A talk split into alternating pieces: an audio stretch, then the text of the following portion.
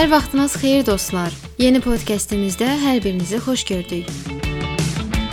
Mən Xədicə, sizin şirin şey yemirəm deyib ad günündə bütün tortu yeyən dostunuz.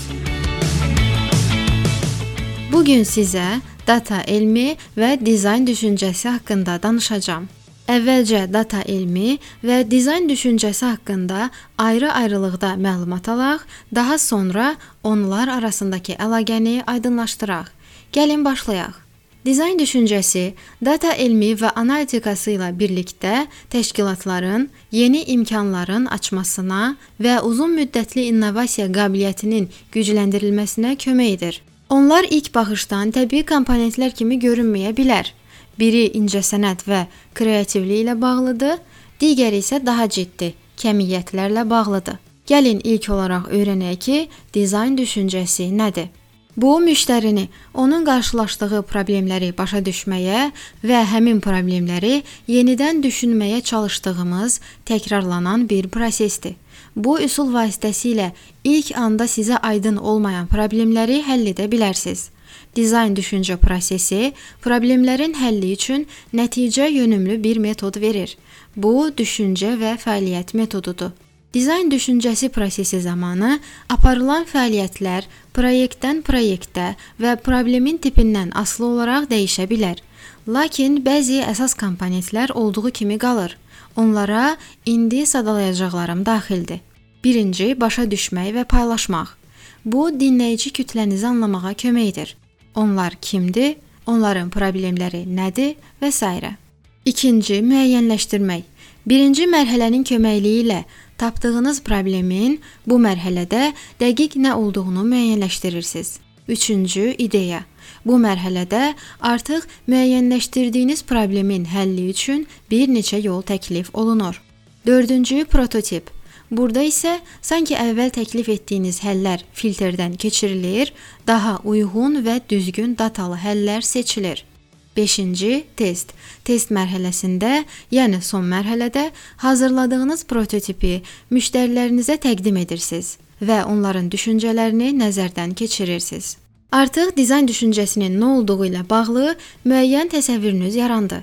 İndi isə gəlin data elminin nə olduğuna qısaca nəzər salaq.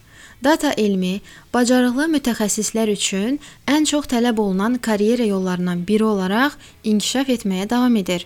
Bu gün uğurlu məlumat mütəxəssisləri ənənəvi olaraq böyük həcmdə məlumatları təhlil etmək bacarığı, məlumatların çıxarılması və proqramlaşdırma bacarıqlarına sahib olmalı olduqlarını başa düşürlər. Məlumat mütəxəssisləri daim təşkilatları üçün faydalı olmağa çalışır Bunun üçün onlar data elminin bütün spektrini mənimsəməlidirlər.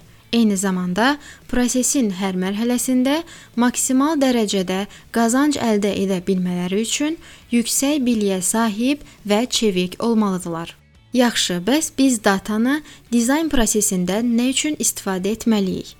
Xatırladaq ki, dizayn düşüncəsi bir dizayner kimi düşünmək, müştərinizi və ya istifadəçinizi birinci yerə qoymaq və dizayn aləti dəsti metodologiyası ilə problemləri həll etməkdir. Data elmi isə əsasən kəmiyyətlə, məlumat toplusu ilə bağlıdır. İnternetin ortaya çıxması, məlumatların kütləvi şəkildə toplanması və saxlanması deməkdir.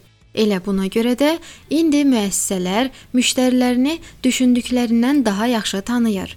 Bu, məhsulun keyfiyyətini artırır və bununla da müştəri gözləntilərini daha yaxşı qarşılamaq olur. Üstəlik, keyfiyyətli məhsulu yalnız dizayn düşüncəsi və ya yalnız data elmi ilə hazırlamaq olmur. Belə ki, dizayn düşüncəsi prosesi zamanı yeni məhsulu inkişaf etdirmək üçün bizə lazım olan məlumatları data elmi olmadan təhlil etmək və toplamaq həm bizə dəqiq olmayan nəticələr verə bilər, həm də bizi yanılda bilər. Buna görə də bu iki sahə arasında belə bir əlaqə var. Bu podkastımızda sizə data elmi və dizayn düşüncəsi, onlar arasındakı əlaqələrdən bəhs etdik.